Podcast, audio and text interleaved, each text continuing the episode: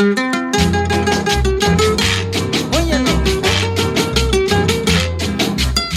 selamat datang di Scoot Beat Talks with your host Mamet di sini. Idi, gila gila gila gila. Akhirnya Scoot Beat punya podcast juga di Spotify ya. Waduh, ya emang sih belum official banget kayak diakui sama Spotify-nya gitu kan. Cuman ya nggak apa-apa lah namanya juga kita merintis kan Gitu guys. Jadi buat teman-teman yang baru dengerin di Scoot Beat Talks ini mungkin masih ngerasanya kayak ih apa sih kok noise-nya banyak gitu. Ih kok ngomongnya begitu. Ih apa gitulah ya segala macam lah namanya juga netizen kan.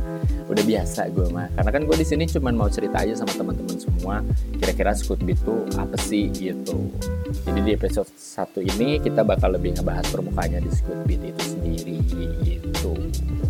Nah, terus di Scootbeat ini sebenarnya kalau base platformnya itu awalnya adalah beatmaker gitu. Cuman lama kelamaan karena mungkin juga di Scootbeatnya pengen berkembang, akhirnya di situ juga nge-hire gue nih gitu, berkolaborasi sama gue. Akhirnya gue juga gabung ke Scootbeat. Bisa dibilang sih gue di Scootbeat juga belum terlalu lama banget, masih kayak baru hmm, dua bulanan gitu. Hampir mau masuk dua bulan jadi kayak masih fresh juga gitu masih newborn. Nah ini newborn lahir baru.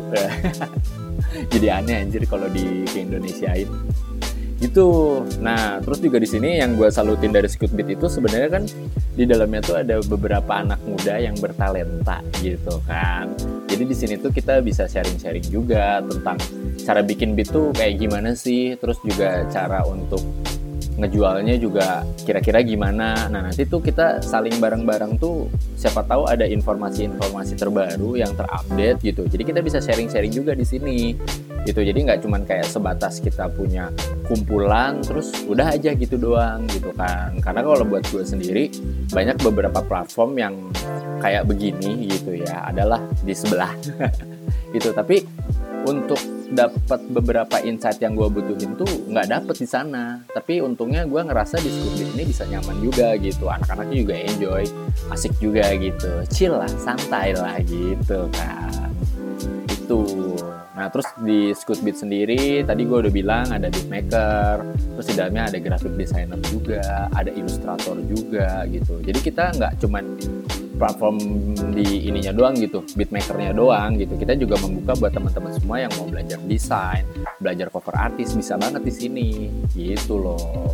Terus kemarin juga beberapa juga kayak ada yang masih ngerasa kira-kira apa sih yang ngebedain Scootbeat sama platform yang lain gitu.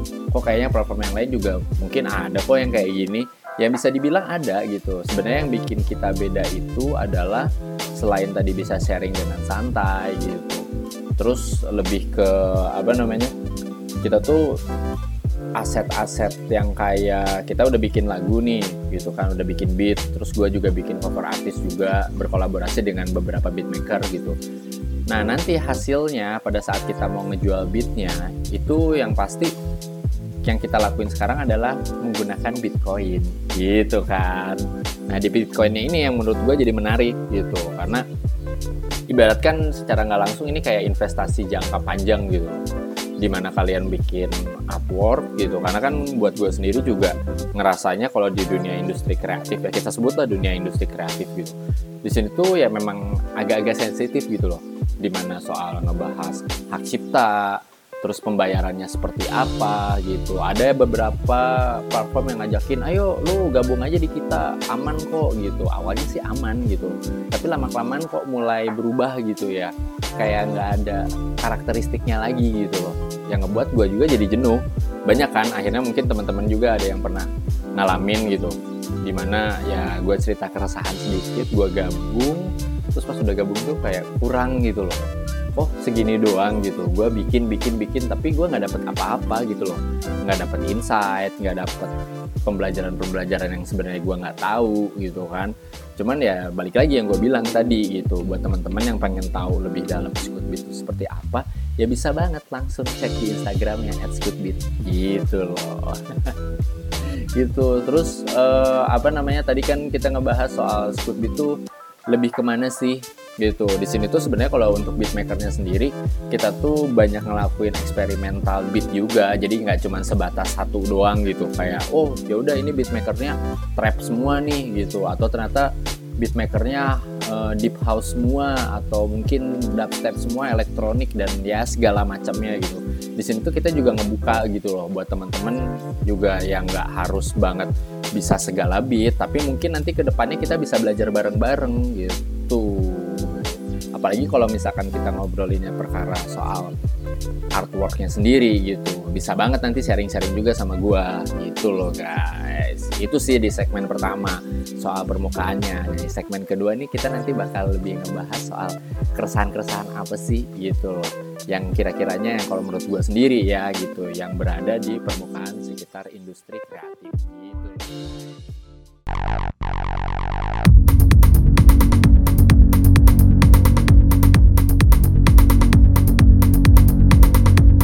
Welcome back di segmen kedua bersama Mamet lagi. Iya, ya iyalah karena ya hostnya gue juga gue ya mau siapa lagi gitu kan. Kecuali nanti mungkin next mm, episode bisa dibilang nanti juga ada beberapa guest star. Iya, guest star bintang tamu gitu yang bisa join di Scoop Talks juga gitu loh guys. Oke di segmen kedua ini gue kayak pengen cerita-cerita sama kalian gitu dari keresahan-keresahan industri kreatif gitu kan ya. Karena di Scootbeat juga ya bisa gue bilang karena kita bikin karya yang sebenarnya masih relate-relate aja buat ngobrolin si industri kreatifnya sendiri ini gitu loh. Jadi kayak mulai gue bahas soal hak cipta gitu kan. Banyak banget yang teman-teman tuh kadang-kadang kayak udah pada bikin beat nih gitu ya. Terus pada saat dia udah bikin susah payah gitu segala macem ya karena kan menciptakan satu karya itu ya memang tidak mudah gitu loh. Tapi dengan mudahnya orang-orang di sekitar tuh ya entah itu let's say kayak ngerampok gitu aja gitu loh.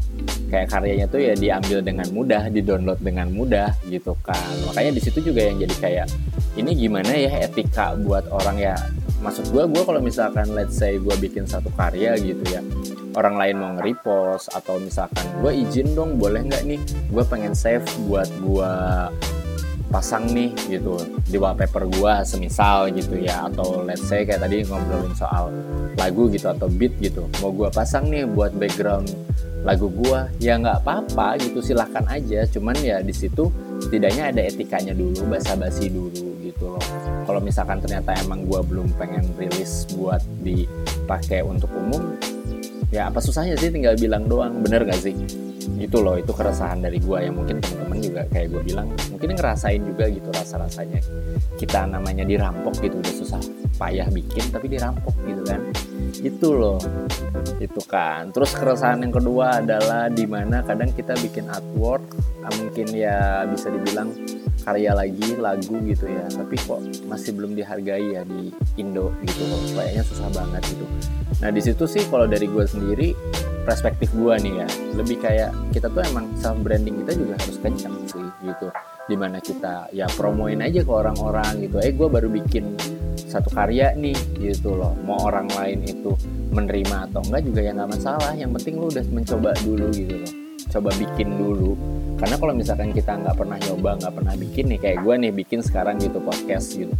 Ya gue nggak akan pernah tahu kira-kira yang kurang tuh apa sih gitu kan. Lebihnya gimana enaknya digimanain gitu. Karena kan itu semua akan balik lagi ke proses lagi kan. Gitu ini mamet lagi bijak. Nggak sih bukan soal masalah bijak atau gimana nya cuman ini gue cerita berdasarkan ya pengalaman gue aja selama ini gitu di industri kreatif gitu loh. Nah terus tadi juga sempet kan gue bahas di segmen pertama bahwa kita tuh yang ngebedain dari label yang lain mungkin manajemen yang lain mungkin atau komunitas yang lain ya apa pun lah sebutannya mungkin lebih disimpelin lagi platform yang lain lah gitu ya. Kita tuh jualannya tuh sebenarnya pakai aset gitu pakai bitcoin gitu di mana ya memang untuk dicairin itu ada beberapa proses lagi yang kayaknya nggak bisa langsung cair cepat gitu loh. Cuman yang gue percaya di sini adalah kita bisa jadi investasi jatuhnya gitu loh. Di mana artwork gue ini bisa jadi investasi loh gitu. Bisa bener-bener harganya tuh jadi tinggi banget gitu loh dibanding gue langsung jualan secara offline gitu kan.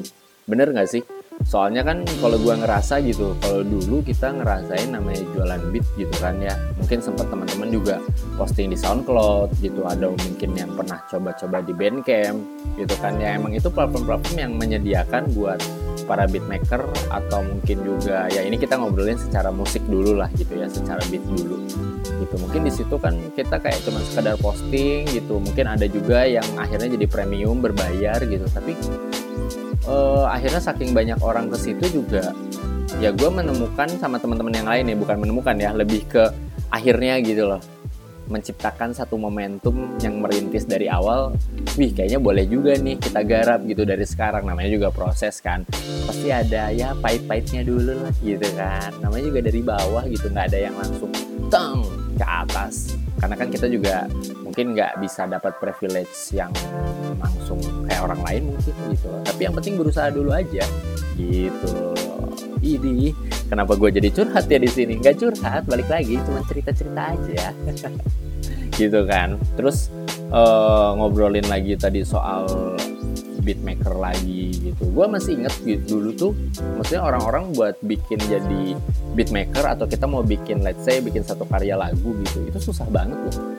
Maksudnya kalau dulu tuh harus sekolah dulu yang benar-benar kayak kita masuk kuliah dulu supaya kita tahu gitu caranya bikin musik tuh seperti apa gitu kan. Caranya bikin beat tuh gimana gitu. Tapi dengan sekarang ya teknologi udah benar-benar naik banget gitu. Di situ tuh kita tuh malah semakin dituntut gimana caranya nih udah dikasih platform yang enak yang simple. Balik lagi tinggal diri kitanya aja mau berusaha atau enggak mau konsisten atau enggak gitu ya kan soalnya kayak dulu tuh kita mau upload di platform sosial media aja atau di website aja kayak susah banget gitu loh. Kalau di sekarang enak banget lah enjoy sih. Gue ngerasanya kayak sekarang tuh memang dibikin lebih mudah gitu loh. Prosesnya itu yang kita harus mau nggak mau juga harus yang menikmati gitu loh. Nah terus apa ngebahas lagi soal diskut beat sendiri gitu kan nanti tuh di Scootbeat tuh buat teman-teman yang mungkin masih bingung gitu ya. Terus kalau udah gue bikin karya gue mungkin bikin beat gitu atau mungkin gue bikin uh, artwork album gitu ya. Terus nanti ngejualnya kayak gimana? Jangan khawatir. Nanti di sini tuh kita bareng-bareng juga gitu loh. Bareng-bareng buat ayo kita mau sounding nih di platform A, ayo kita sounding nih di platform B. Terutama kayak yang gue bahas di segmen awal gitu loh, bahwa kita platformnya untuk saat ini yang lagi kita coba garap itu di platform secara Bitcoin atau cryptocurrency juga gitu. Sorry ya buat orang-orang kripto mungkin yang bahasa gue agak ah enggak met enggak gitu. Ya namanya juga belajar ya. Yang penting kalian enjoy aja. Kita kan sharing di sini. Cerita cerita aja. Gitu loh. Terus uh, apa namanya balik lagi ke cryptocurrency gitu. Karena kan di situ juga gue nganggapnya ya ini dari perspektif gue lagi di situ tuh memang kita kan ngejualnya harganya juga fluktuatif gitu loh. Bisa tiba-tiba naik bisa tiba-tiba turun gitu. Tergantung harga pasar market tuh lagi gimana gitu. Mungkin kalau anak-anak kripto bilangnya aduh pasar lagi merah nih. Ya pasar lagi berdarah-darah gitu. Tapi justru di situ menariknya kita jadi kayak harus analisis lagi terus jadi kayak nemuin strategi lagi gitu. Karena yang namanya juga proses trial dan error kita nggak akan pernah tahu kalau kita nggak nyoba kan. Gitu loh guys seru juga ya ngobrol-ngobrol begini. Gue maksudnya udah lama juga nggak ngobrol-ngobrol kayak gini gitu ngebahas satu konten ngebahas satu keresahan. Itu loh. Soalnya hmm, bisa dibilang kita tuh buat jadi kreatif. Ini gue ngebahas soal kreatif ya. Kita tuh emang harus yang paling penting itu adalah bisa ngobrol sama orang gitu bisa approaching sama orang gitu. Nanti juga kita harus bisa siap menerima namanya tuh pikiran diskusi gitu. Maksudnya kalau sekarang kan kalau menurut gue ya banyak di lingkungan gue tuh yang kadang nggak mau dikritik. Mungkin teman-teman kalian juga lingkungan kalian ada juga mungkin yang nggak mau dikritik gitu. Idealisnya bener-bener tinggi gitu. Jadi kayak kita tuh mau diskusi aja susah gitu loh. Atau ada juga beberapa orang yang kayak ayolah gas lah kita bikin gitu. Ayolah gas lah gue pengen bikin A bikin B gitu tapi pada saat kita udah siap nih orang yang tadi ngajakin ayolah ngegas gitu. Ayolah kita bikin itu nggak ada. Hilang. Ke mana mereka? Gitu. Ya nggak sih? Atau cuman gue doang? Ya udahlah ya. Cuma segitu doang. Gitu loh guys. Oke okay, uh, mungkin di episode ini karena ya gue juga masih pelan-pelan gitu ya interaksi sama kalian. Jadi kita sudahi saja, cukup aja sampai di sini gitu. Namanya juga episode pertama masih intro dulu gitu, nggak usah ngebahas yang terlalu panjang banget. Yang penting kalian bisa tahu dulu kira-kira Scootbeat itu apa. Jadi kita tutup. Jangan lupa yang pasti di Scootbeat ini juga teman-teman semua langsung follow. Nanti juga kita ada platform Discordnya. Jadi nanti di platform Discord itu sendiri juga kalian bisa langsung join aja. Nanti bisa ngobrol-ngobrol sama kita. Gitu guys. See you.